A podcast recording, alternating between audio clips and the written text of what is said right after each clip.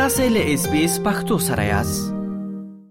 خغلی شفیع الله مشفق صاحب نړۍ مننه چې لیس بیس پښتو خبرونه سره خبر کوي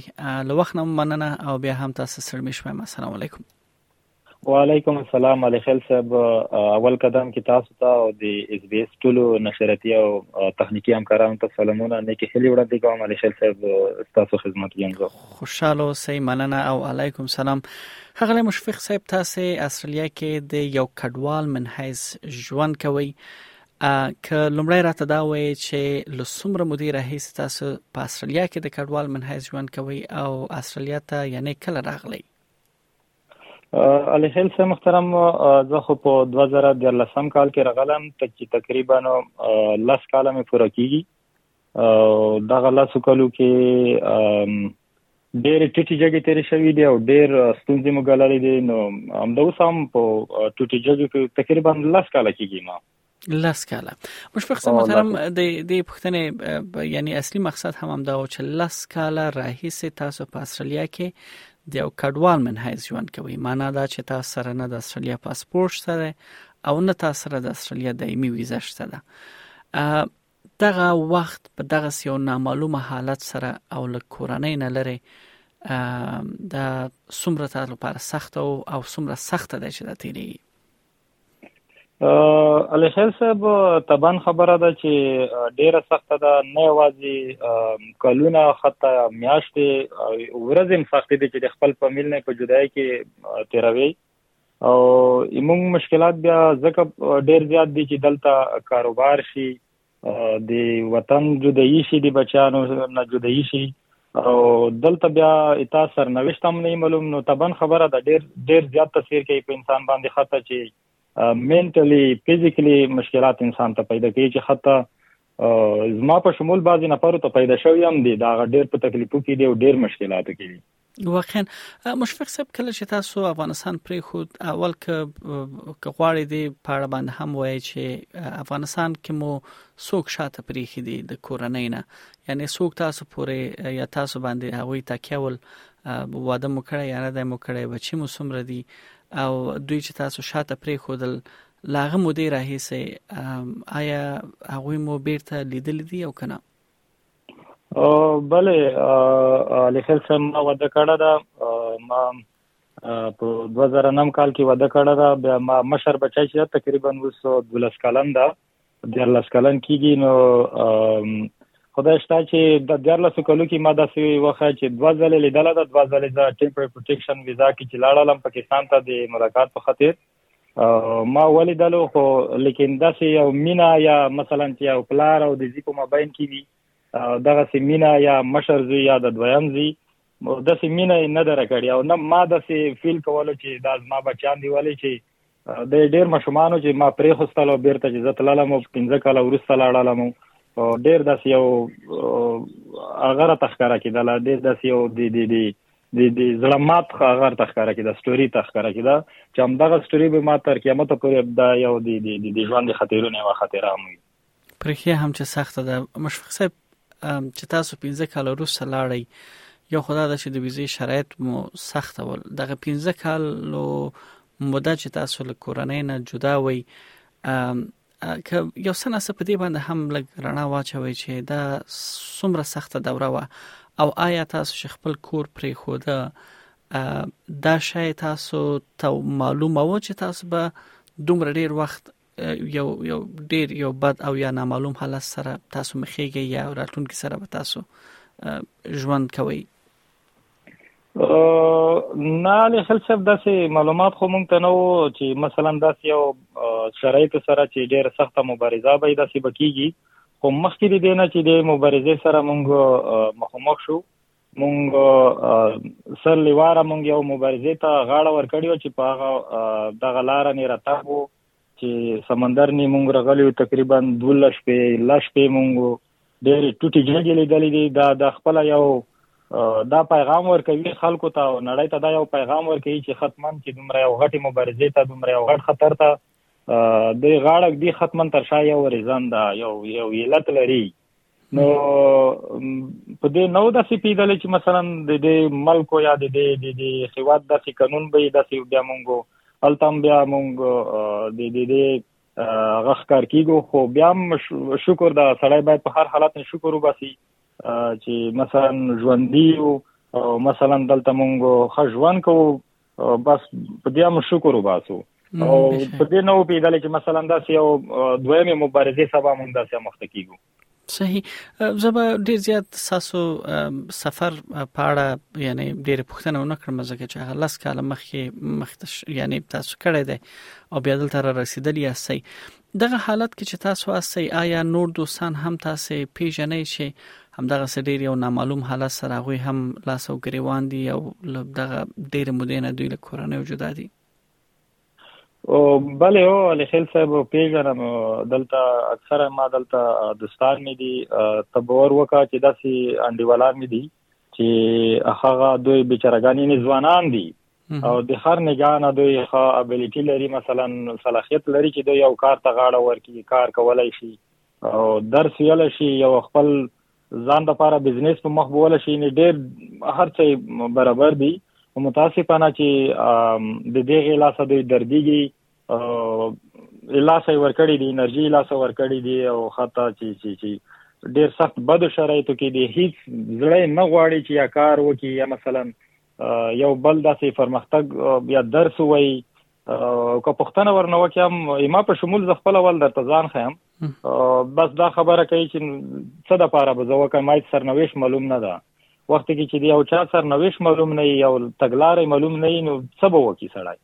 بس یو گیم شکل یو لټری خبره ده چې مثلا کته درته ووتل بس پلاس به درغلل کدر نه رغلل بس نو څه ششتانه او پیژنم بیچارهګان ډیر په بد شرایطو کې بد حالات کې دي صحیح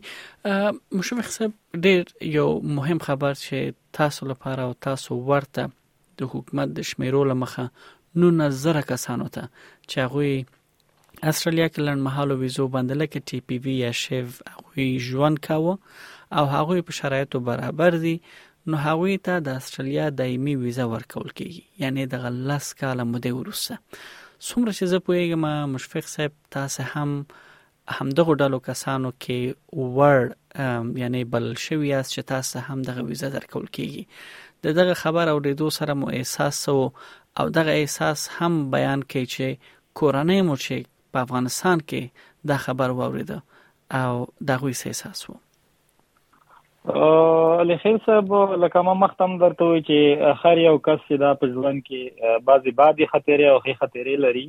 چې دا خطرې تر ډیره وخت پورې حتی د مرګ پورې دوی سره پاتې کیږي زما په ژوند کې یوادي خو خطرونه هم دغه خطرې وا چې کله ما دغه اعلان واوریدو د منسټر د امیګریشن د استرالیا نه چې د سیده سي یو خبره ده باور وکړه ډیر زیات خوشاله شولم اگر چې د کار کمپلیټ نه ده خو بیا هم د سي یو تمه پیدا شوله ډیر زیات خوشاله شوم حتی په دې حالاتو کې ټول میډیاوی دي او زما بچانو سره چې ما خبرې وکړې اگر چې دوی مشومان دي ایمون ایمانا لکه د دوی احساسات ډیر داسې یو هغه د په جوس کې راغلی ډیر خوشاله وو امدا هر ورځ چې ور سره غږیږم امدا پښتنه رانه کوي د یو هغه کوي لکه غټ مشران خلک چې دي څه دی وکړلو څه به وشي کوم ورځ بکیږي ولې نو شولو تا خو د سی ویلو نو طبعا خبره ده علي خیر صاحب چې دا ډیر موږ د پاره یو د خوشحالي زره او ډیر د خوشحالي زره او موږ د پمیل د پاره خطه زما بچیانو د پاره ولې چې دوی آینده لري د دوی آینده په هغه کې یو مثبت رول لوبول شي وخت کې چې زه دای سره یو ځای شم د ما سره یو ځای شي معلومه خبره ده چې دوی د د د د د کمیونټي د دوی د ټولنې یو څه جوړیدلای شي او که یو چا سره کوم بچی سره پلار نه وي د پلار ته لاس لاندې نه نو تبن خبره ده چې د دوی سرنوشت نه معلومه خرابېږي حتمان خرابېږي نو بالکل دوی ډیر خوشاله وي ما په شمول دی ډیر خوشاله دي او بس انتظار یو نو بس کله بکیږي ډیخه بل مشفق صاحب هرومرو تاسو به هم د خوبونه خپل ځان لپاره خپل کورنۍ او خپل ماشومانو لپاره لیدلې وي د استرالیا حکومت دا هم ډیر روخانه د دریزي بیان کړ چې له مارچ میاشتې وروسته البته دغه پروسه له فبرورۍ نه پیل او له مارچ میاشت نه وروسته د ذکر یې وکړ چې ځینې لیکونه به سول کېږي او د ویزو ورکړه یعنې پیلېږي یا رجسټریشن او د هر څه د پروسه په ټوله کې پیلېږي نو د دې ذکر یې کړی دی او بل دا هم یو مهم وخت چې ذکر کړی دی چې د هر اپلیکیشن یو غوښتنلیک ورکولو سره دغه 12 میاشتې کې دننه دغه ویزه ورکول کیږي چې کې د شي لږ وخت وي یا مغونه وخت وي سمو آینده مو څنګه ګوري دغه دومره وخت کې یعنی د خپل د کورنۍ راوصل دلته ځای په ځای کېدل او خپل ژوند خوبونه ګوري سم خواهشات دي یعنی څنګه د خپل ژوند ګوري علي خیر صاحب هر یو انسان چې دا ډېر غاټو مبارزه ته غیګ ور کوي وجه دا غدا چې د دا آینده او د دا بچانو آینده برابر شي نو مونږ خپل هم چې د څومره ټیټي جګي تیر شولې دا مبارزه مو کوله هم دغه د بچانو په خاطر نو معلومه خبره ده چې بچان دلته وی ما سره مثلا دوی سره درس وایي د دې ټولنې د پاره یو خدمتګار جوړ شي نو طبعا خبره ده چې دوی اندام خکېږي خطا چې د دې والدینو اندام ور سره سہولت کیږي اگر چې موږ ډیر مبارزه کړې ده او ډیر په مشکلاتو کې یو خو بیا هم دا هر څه چې موږ وزنه ارمان دا ده چې مثلا موږ بچیان یو مسلک ته ورسیږي موږ بچیان یو یو آینده خاینده ولري نو دا هر څه د انسان د ذهن نه بیا وځي د کوم خفګانونه کوم مشکلات چې سړی غللی وی لیدلی وی دا هر څه په خوشحالي بدليږي نو معلومه خبره ده چې دا موږ په بچیانو نه زموږ پیندانې بالکل مثبت تاثیر کوي او دا بالکل د خوشحالۍ ذره ده وخیان بل مشفق صاحب یو بل مهمه پوښتنه هم له تاسو نه ده چې تاسو په دغه ټولنه کې هستئ او له دغه لنډمحالو ویزو سره له اوس هم تاسو ژوند کوي ولې ځینو کسانو ته دا ښه خبر دی ځینو کسانو ته کې دی چې دا ښه خبر نه وي ځکه چې شاوخوا 2000 کسان اوس هم دي چې هغه به سرنوشت دي دلته او هغه په دغه کټګوري کې دی نه راځي چې دوی ویزه واخلي آیا اساس له دوستانو نه داسې هم شته دي چې هغه وړ نه دي ترڅو دغه دایمي ویزو ته دوی غوښتنلیک ورکړي کچېری وی دغه یې احساس دی له خل صاحب د نن ورځې خبره درته کوم هم د نن می یو انډیوال می ولته می رود می روانو هم و می لیدلو باور وکړه ما ورته د موټر نه आवाज وکړلو د زیره زیره ما ته لیدلو لیکن د سي احساس نه کول چې ما سره څوک دی مخه مخو بیا تیر شول سره ټریفیک لایټ کې کله چې کرا شول ورسره راته ځان ګول چې وبخه ما ته لیدل خو هیڅ داسې نه پیدل څه خبره ده نو ما ور سره یو ټوک وکړو ته څنګه څه نشه دي کړي وکړه څه خبره ده نو دا بیچاره بس دغه سټوري یې راته راواخیستله چې بس داسې دي او داسې دي سرنوشت نه ده معلوم او پاتې یې نه لږي موږ به څنګه کېږو او بیا ما ورسره ډېرې داسې د تسلی او د د هغه خبرې وکړه چې خیر ده بس په دې کې به خیر وي انسان ده انسان دپاره دغه یو امتحان ژوند چې دا ټول ژوند امتحان ده خو بعضې امتحانات چې دا بیا ډېر سخت وي یو ځینای دي دینه د د وټلو لار دا ده چې موږ تاسو باید خپل مبارزه جاری وساتو نو شتا ډیر بد شرایطو کې دی بیچارهګان نو زیره زیره ماته قتل نه دا داسې څه نه شول یاله چې ماته وږي پلنیا تاسو ته ماشیا وعلیکم سلام یعنی دومره بیچارهګان فریشر دومره خراب شوی دی او دوی اجازه نه لري چې دوی له استرالیا څخه بهر وځي دغه دوستان مو یعنی دوی خپل کورنۍ تاسو خو کې یو ځل یا دوه ځل لیدل دي آیا دوی لیدل دي کورنۍ بهر وتلی نه نه تر څو چې زه معلومات لرم د هیڅ نه دی نشي کولای اجازه نه لري او کبیا لاړل فکر کوم بیرته دوی نشي راتلل او د لاسې ولس کلو کې د خپل کورنۍ نه دی لیدل نه رښتیا هم سخت ده مشفق صاحب زما به ورسته پښتنه لتاس نه دا ویزنه په افغانستان نه اوس هم په بشمیره کسان له افغانستان بهر وځي او بیا هم په دغه قاچاقي لارو باندې دوی غواړي چې نور هیوادو ته پناه یوسي استرالیا حکومت سره لدې چې تاسو ورته نو نظر کسانو ته د دایمي ویزې یعنی ژمنه کړې ده یا د وعده کړې ده ولې ویل دي چې خپل سرحدي پالیسی نه بدلوي ساسو له نظر کې او سوګ افغانستان نه د تاسو غاګوري او یا له پاکستان زمونږ پښتانه راوځي او اصلیت تراته کوخه کوي څه پیغام ورته لري آیا دغه څه چې په تاسو تیر شوی دی اساس په دوستانو تیریږي دغه لمخه غوي تاسو ویل غواړي